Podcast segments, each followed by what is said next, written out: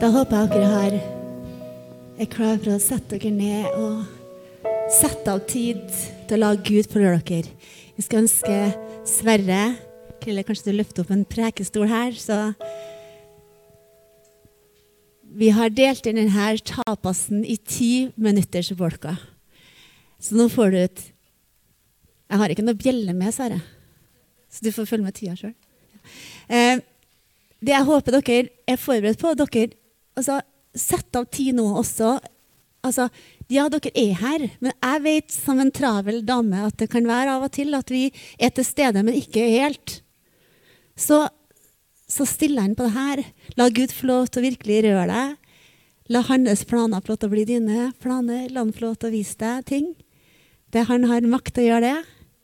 Så får dere nå en liten smakebit fra Sverre. En liten teaser. Det her, er liksom sånn, det her vil være sånn. Etter ti minutter her så ønsker vi å ha mer. Men det er sånn er. I dag får vi ti minutter. Dere får ti minutter i dag. Og så skal dere få Edvard ti minutter, og Sandra til slutt. Vær så god, Sverre. Tusen takk. Yes. Yes, jeg kjører rett på, og vi begynner i Fjerde Mosebok 6.22. Der kommer det opp ja, litt liten skrift, kanskje, men håper dere ser det. Så Herren talte til Moses og sa, Tal til Aron og hans sønner og si, Slik skal dere velsigne Israels barn. Si til dem, Herren velsigne deg og bevare, og bevare deg. Herren la sitt ansikt lyse over deg og være deg nådig.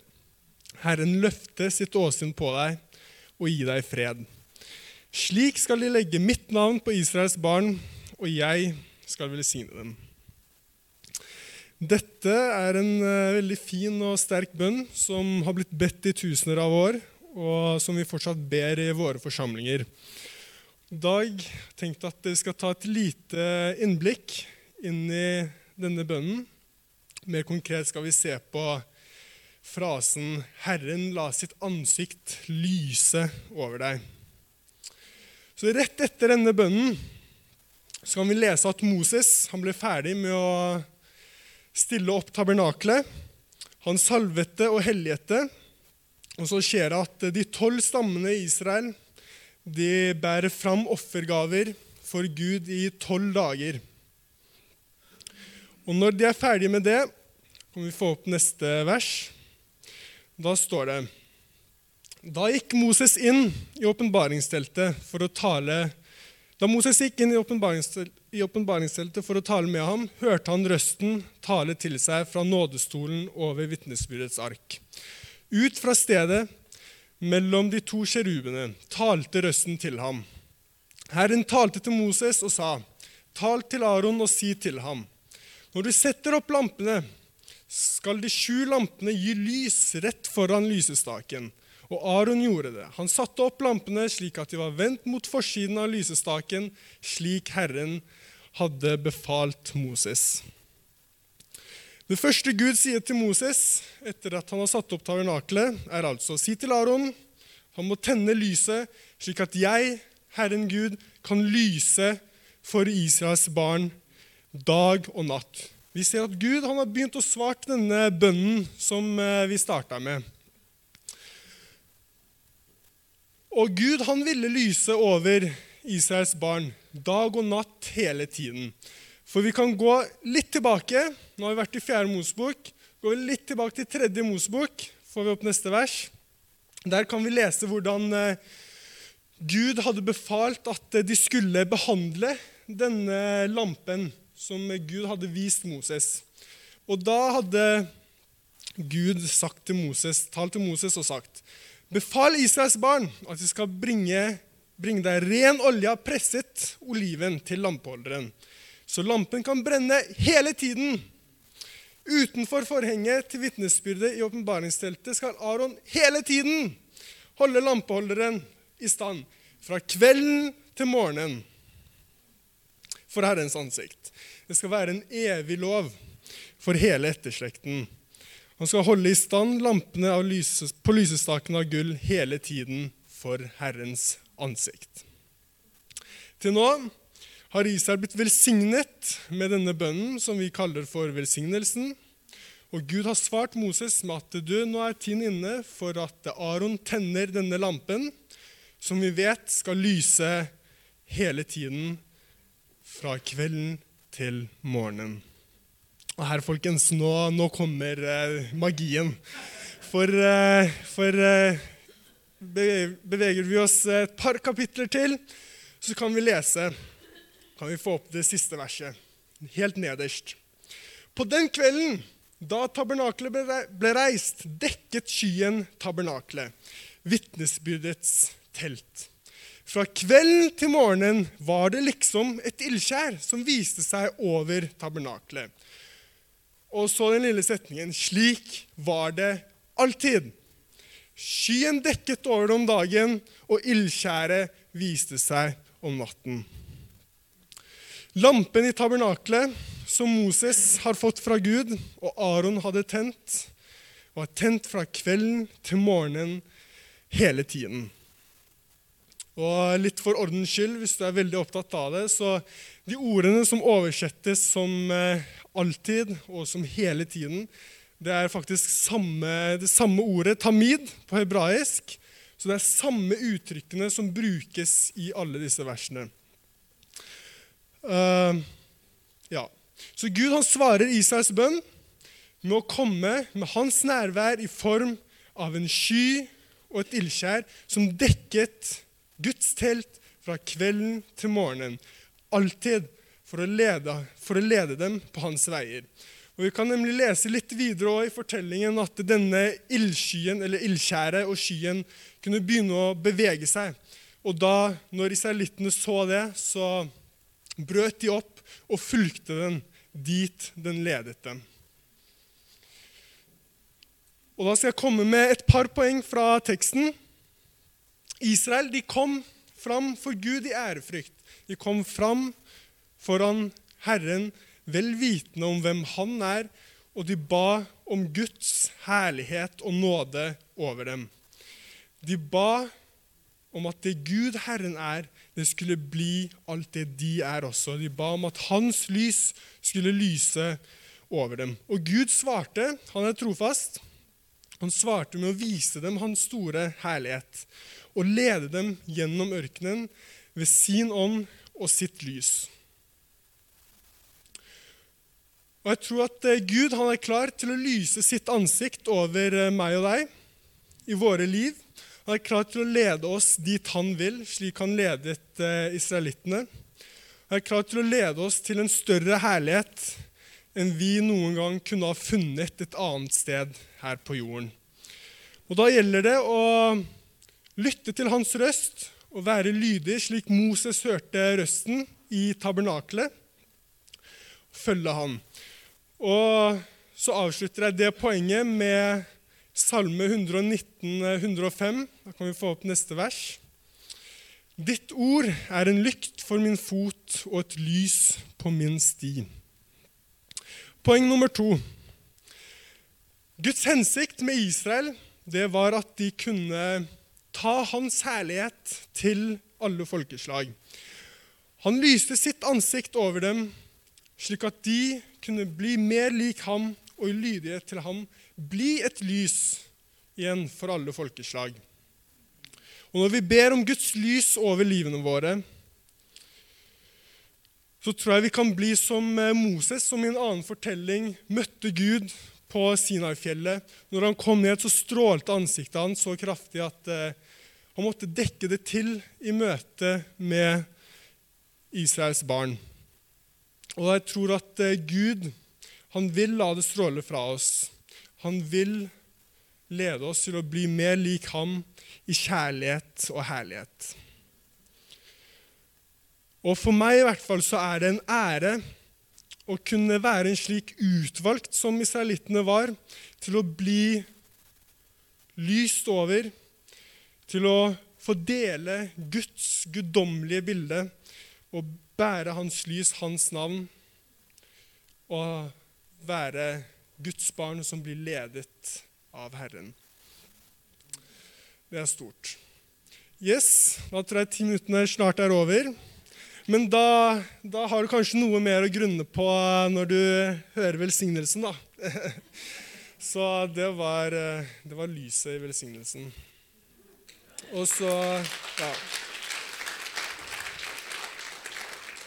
Så avslutter jeg med ett vers til, og det er ordspråkene 4.18. Men de rettferdige sti er som det strålende lys som skinner klarere og klarere til høylys dag. Amen.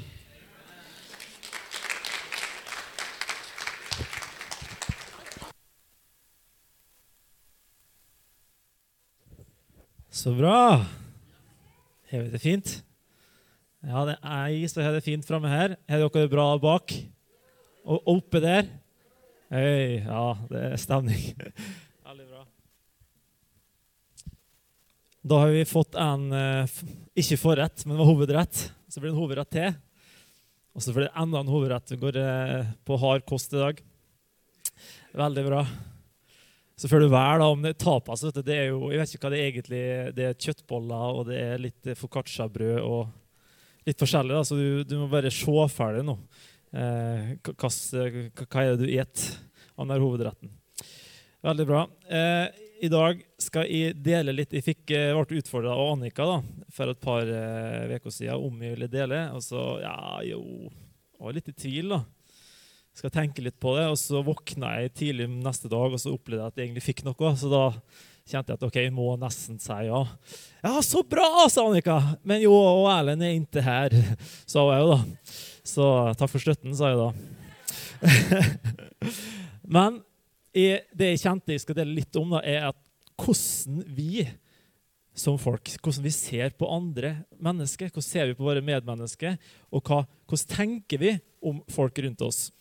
Og i en sånn sal som dette her er vi, er vi veldig mange forskjellige individ, og vi har ulik bakgrunn og ulik erfaring. Kanskje du har hatt en helt topp barndom, kanskje barndommen din slett ikke har vært bra. i hele tatt. Kanskje du har hatt eh, fantastiske foreldre, kanskje du har hatt foreldre som ikke har vært til stede. Altså, det er så forskjellig da, av, eh, blant alle oss som sitter her.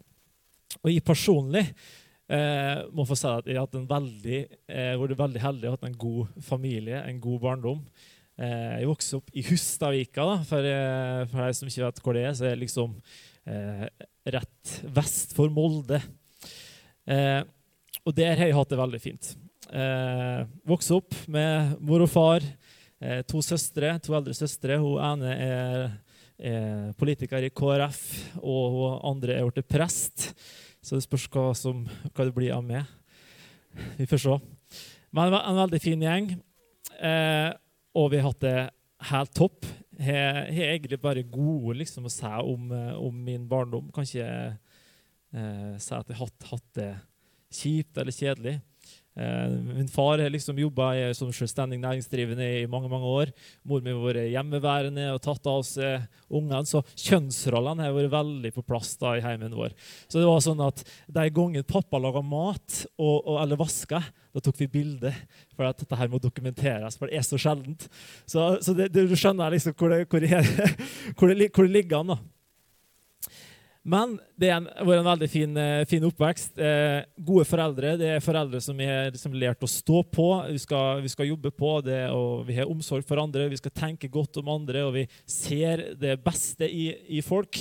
Eh, og det har vært et hjem full av tro. Eh, og så mye tro at mamma da sitter og, og strikka og laga sokker og, og labber og gensere til barnebarna, og så sitter hun og leser Bibelen, og Jesus roper til disiplene at 'Kast garnet på andre sida!' Så sa hun til meg, 'Vet du hva jeg gjorde da, Edvard?'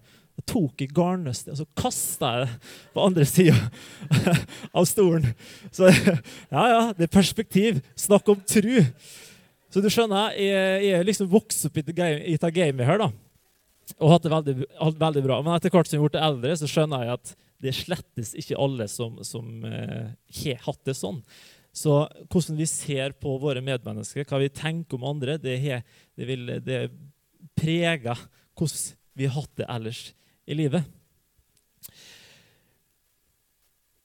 Og så har jeg da et litt artig bilde da, som jeg tenkte på. og det, Da må jeg spørre først om det er noen uh, hjortejegere i salen så hadde det vært veldig fint om vi får litt støtte her. Det er, der er den, vet du. Nydelig. Eller elg, kanskje. Det er elg som er Ja, ja, ja. Veldig bra. Eller rypejeger. Små Der, ja. Eh, du vet hva, hvordan du skal få ei rype til å bli ei ugle. Det er å gifte med henne. Ja. Jeg sa OK, det var en sånn digresjon. Jeg sa den i Jeg sa den som toastmaster i, i, min søsters bryllup. Og det falt ikke helt i god jord hos bruda, det kan jeg mildt sagt. Men i hvert fall eh, tilbake til, til hjort, hjortejakt. Jeg, jeg, er en uh, ivrig hjortejeger. Uh, og jeg har vært på jakt nå siste dagene på, på Vestlandet, der jeg kommer fra. Og når du er hjortejeger, så er det sånn at hjorten er aktiv ganske tidlig på morgenen og sent på kveld i skumring. Så da må du gjerne stå opp grytidlig midt på natta, på med jaktklær og med kaffe, kaffekoppen liksom med, og ut, og så skal vi ut på post. Da finner du hever en plass, enten det er jaktbu eller en, liksom, plass ute i skogen. Her skal jeg sitte, for her tror jeg hjorten kommer. Og så må du vente en god del timer, for det er jo mørkt når du setter ned. Og så forhåpentlig så kommer hjorten etter hvert. Så når det begynner å lysne, da er hjorten her, og da er du klar til å ta den. Og så er det jo, Jeg har opplevd det ganske mange da, at når jeg sitter på post da, Du er på hjortejakt, og jeg leter etter hjort. Det er hjort du ser etter. Så når, jeg, når du begynner liksom å skumre, og det er liksom ikke helt lyst, at jeg ser sånn klart, men så ja, der, der, der er det hjort. Ok, Så sitter jeg litt til. Ja, der, ja, enda en. Og så liksom, all verden, det var fullt enda enn der. Og så sier jeg over jaktradioen da, til disse andre jaktkameratene det, er en haug med hjort her. Ja, ja, så bra, liksom. Så må vi vente da, noen minutter til det begynner å lysne litt mer. Og så her over radioen Ja, ja, ja, hva ble det av hjorten, liksom? Nei, eh, det, det var, viste seg at det var ti tuer jeg hadde sett på, som har beveget seg. Jeg var sikker på at det gikk i stad. Altså. Men når det er sånn at når du er på hjortejakt, du ser etter hjort, så er det hjort du ser overalt. Det er helt sant. Det er rart med det. Men synet ditt blir liksom Du er liksom hodet innstilt på at ok, vi er på hjort, vi ser etter hjort, så hver en minste bevegelse, det tror du er gjort.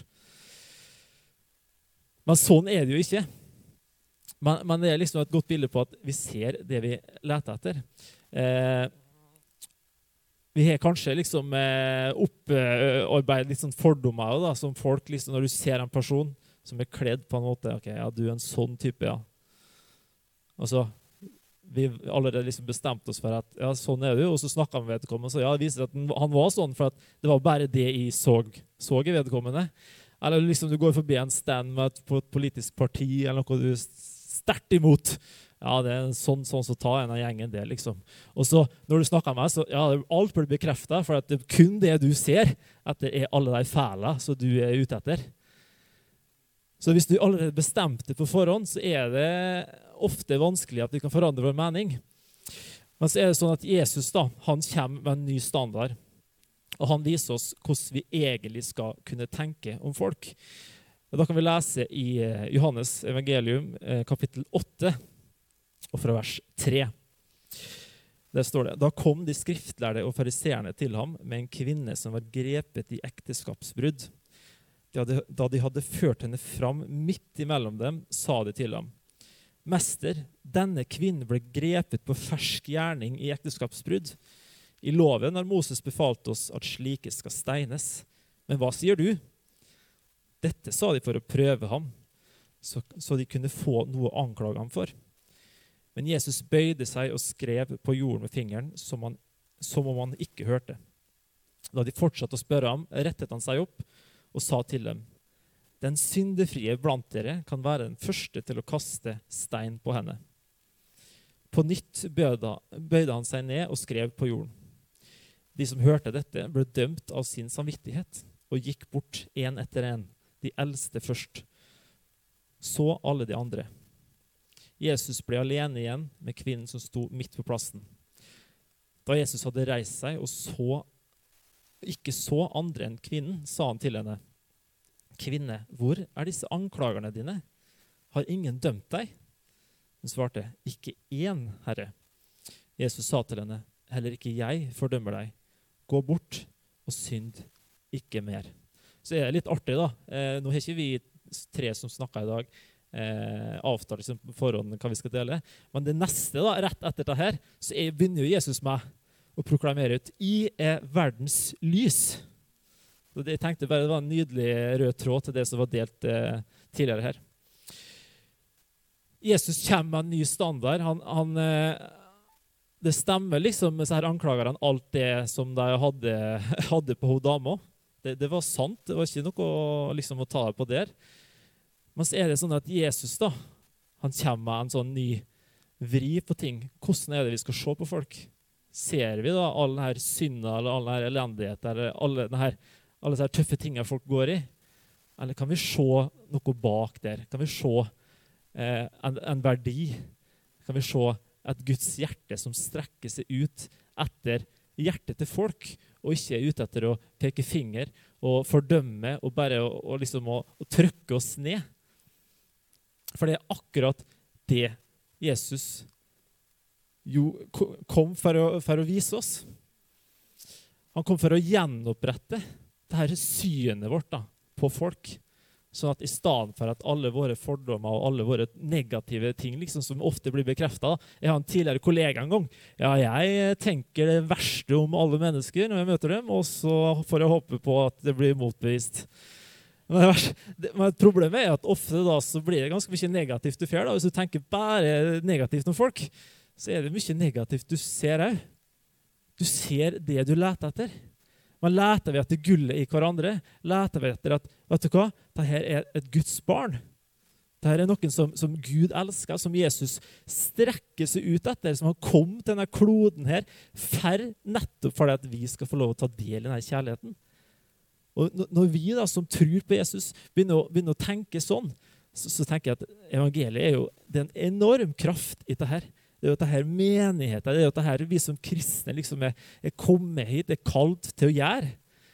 Det å kunne se Guds kjærlighet i andres menneske. At vi kan få lov åh, vet du hva? Vi, vi har et budskap om en frelser som på tross av alt, og, og det er jo meg sjøl inkludert Det er litt sånn at for vi, vi, tror det at når du liksom har vært lenge i gamet, at ja, nå har jeg liksom eh, Du kan hake på denne lista, og vi, vi, tror vi får det til, og, og, og liksom nå, nå har vi alt på det rene, liksom.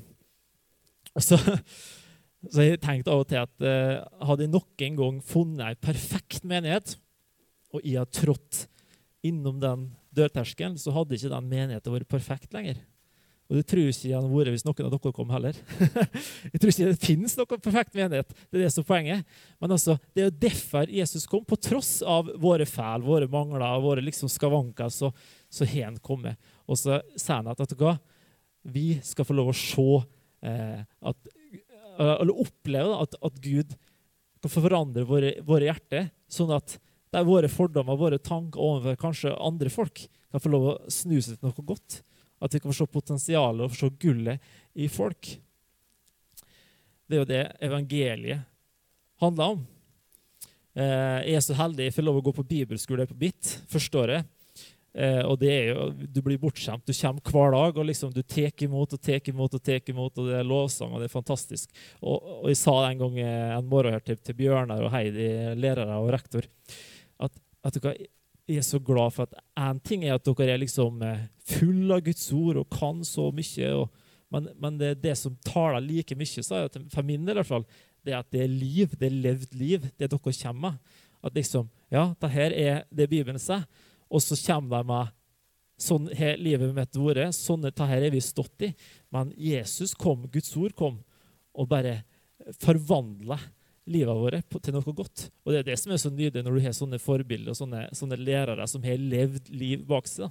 Eh, så var det en morgen her at en Bjørnar da, eh, starta en morgensamling, og så Er du ikke takknemlig, sånn? Du er, du er så privilegert, du er så heldig, og så har han liksom en lang sånn, sånn tale om at liksom, å Gud er så god, og vi er så heldige som får ta del i denne kjærligheten her. Og så, så sa han og det verste av alt det er at de snakker sant i tillegg. Og det er jo litt sånn Ja, av verste av alt så er det faktisk at det er sant, det her evangeliet. Det er nesten en sånn skandaløs kjærlighet som vi ikke kan fatte i vår haug med våre begrensa tanker liksom, og, og opplevelser. Men, men, det er liksom at denne skandaløse, enorme kjærligheten som Gud har gitt til oss til å komme til kloden for, for, å ofre seg sjøl for at vi skal få ta del i det. Det ønsker han at vi skal få bringe videre. Ikke med pekefinger og fordømmelse og liksom å trykke ned Eh, man liksom, ja, for, for, jeg tror folk, og meg sjøl inkludert, inkludert, vet, vet at jeg ikke strekker det på ganske mange områder. Men Jesus kommer og så sier han at 'du vil jeg ha'. Han kommer til hun her, eh, horkvinna her, og så sier han at det er ingen som fordømmer henne, og ikke jeg heller. Det er lang tid igjen. jeg er ferdig, så vi er på overtid.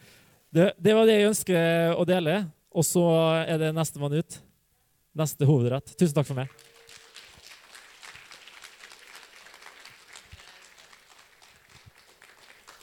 Herlig. Fantastisk å kunne få sitte og ta imot så mye herlig. Både det at Gud er lyset, at han lyser på oss, men også at vi har forskjellig oppvekst og forskjellig, som vi har gått gjennom i livet, som er med å prege oss og er med å prege vårt livssyn og hvordan vi ser på andre mennesker. Eh, og når jeg ble spurt om å dele i dag, så, og generelt, så bruker jeg det litt av det som Gud legger på hjertet mitt. Det han jobber med meg nå, men også som han har jobba i meg tidligere. Eh, og da opplevde jeg at jeg skulle dele om det å vente når du har fått et løfte fra Gud. Når han har lagt noen ting, du kanskje har fått en drøm eller et ord som Gud har gitt deg. Hva gjør du i den tida fra du får det ordet, til det går i oppfyllelse? Hva gjør jeg mens jeg venter? Hva gjør du mens du venter? Bibelen er jo full av historier hvor eh, mennesker fikk et løfte fra Gud, men hvor det tok tid før løftene gikk i oppfyllelse. Og Da kan man spørre seg sjøl om man vil være da, som israelsfolket, som Edvard delte om. Man vil være, og Både Edvard, men også det var kanskje Sverre som delte under først, i forhold til at man brukte tid i ørken. Det tok 40 år fra israelsfolket ble lovt at de skulle få komme inn i løfteslandet, til at de faktisk kom dit. Vil vi være dem som går rundt og klager og ser på det negative, det som er utfordrende? Eller vil vi prise Gud, tilbe Gud i alle omstendigheter i livet, fordi at han er den samme i går og i dag og til evig tid, og at han som har gitt oss det løftet, han vil også eh, hjelpe oss så det vil gå oppfyllelse? Jeg tror at det er flere her eh, i dag som, som, står i ting, og som opplever ting, og som har fått løfter fra Gud, som man kjenner at wow, det her står jeg i tro for. Kanskje kan det være et familiemedlem som du ønsker skal komme til tro på Gud. Kanskje kan det være eh, en økonomisk ting som du står i, som du trenger gjennombrudd i. Det kan være en jobb som du går og venter på. Det kan være mye forskjellig. Så man kjenner at det her er det jeg står i tro for at Gud skal få gjennombrudd i mitt liv. Eh, og mange som kjenner meg og min familie, de vet jo at eh, vi har stått i eh, nå, eh, i, faren min sitt tilfelle, da, hvor han var i en stupelykke for tre og et halvt år siden eh, Vi har jo opplevd mange mirakel langs veien. Han skulle jo egentlig ha gått bort, så, så det er jo et mirakel i seg sjøl. Men eh, det at eh, han er lam da, fra skuldrene og ned, det er jo noe vi har opplevd at han skal opp og gå en dag igjen. Det, det, tror vi Gud for. Det ser umulig ut i mennesker sine øyne. Men sånn er det i bibelhistoria òg. Det er mye som så mørkt ut. Bare tenk på Abraham som er troens far, som skulle bli far til mange folk. Og han måtte vente i år etter år etter år etter år før miraklet faktisk skjedde. Jeg skal ikke dele noe rundt selve ulykken til pappa, men jeg vil dele om eh, en åpenbaring som jeg har fått i ettertid, i hvert fall, om det å vente og det å fortsette å stå og tro på at det Gud har gitt deg et løfte om, det vil han holde. Eh, og det var en kveld jeg og pappa satt på sykehuset første høsten etter ulykken. Og så eh, satt vi og ba sammen, og vi leste i Bibelen sammen.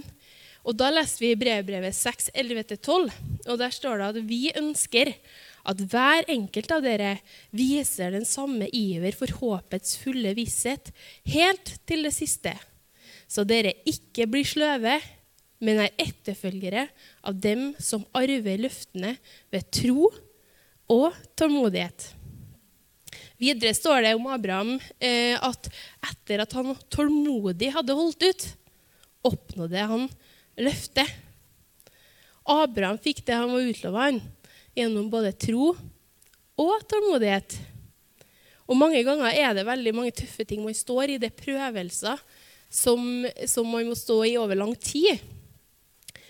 Og da har i hvert fall et bibelvers vært veldig sterkt for meg. For mange kan det kanskje være provoserende å lese det, men jeg vil lese det likevel. Og det står Jakobs brev 1, 2-4. Mine søsken, regn alt bare som glede når dere blir utsatt for alle slags prøvelser. Dere vet at når troens ekthet blir prøvet, virker det tålmodighet. Men tålmodigheten må se seg i moden gjerning, så dere selv kan være modne og helstøpte og ikke stå tilbake i noe. Det er jo mye man kan trekke fram i, en, en sånn, et sånt bibelvers. da. Men at vi skal, se det på glede, vi skal se på det som glede når vi blir utsatt for ting. Når det er prøvelser som vi må stå gjennom livet fordi at frukta det blir tålmodighet. Og det ønsker Gud at vi skal ha i livene våre. Troens ekthet det er jo enkelt å tro hvis du får bønnesvaret dagen etter. Men hvor ekte er den trua da? Det er jo virkelig når man får stå i prøvelser over tid, at man får se hva troa egentlig består av. Og Da er det godt å vite og se tilbake i sånne bibelhistorier at mennesker i Bibelen blir, eh, de får gjennombrudd. Gjennom både tro og tålmodighet. Og så er det sånn at Vi mennesker vi ser ikke alltid hele bildet. Vi ser bare her og nå. Mens Gud da, han har jo et evighetsperspektiv. Han ser med oss med et evig blikk. Han vil ikke bare at vi skal ha det bra akkurat nå, men han ønsker at vi skal ha det bra helt til slutt. Altså, han ønsker at vi alle skal komme til himmelen, at vi skal få jobbe på vår sjels frelse. Vi er ikke frelst bare i dag. Han ønsker at vi skal være frelst når vi dør. Han ønsker at vi skal være frelst når han kommer tilbake.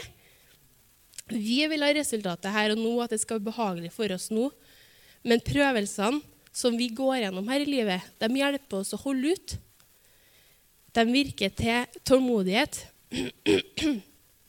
og jeg vil bare oppmuntre dere her i dag. Ikke vær redd for at ting tar tid. Ikke vær redd for at de løftene som dere har fått av Gud, tar tid før dere ser frukter av dem. For det er veldig bibelsk. Heller tenk på hva man kan velge å gjøre mens man venter. At man kan fortsette å tro, fortsette å gjøre sitt beste. Fortsette å tilbe Gud i alle omstendigheter i livet. Fortsette å fylle seg med Guds ord. Og mer og mer så har i hvert fall jeg fått åpenbaring om hvor sterkt det er å vente på Gud. Jesaja 40, 29-31 sier at han gir den trette kraft. Og den som ingen krefter han har, gir han stor styrke.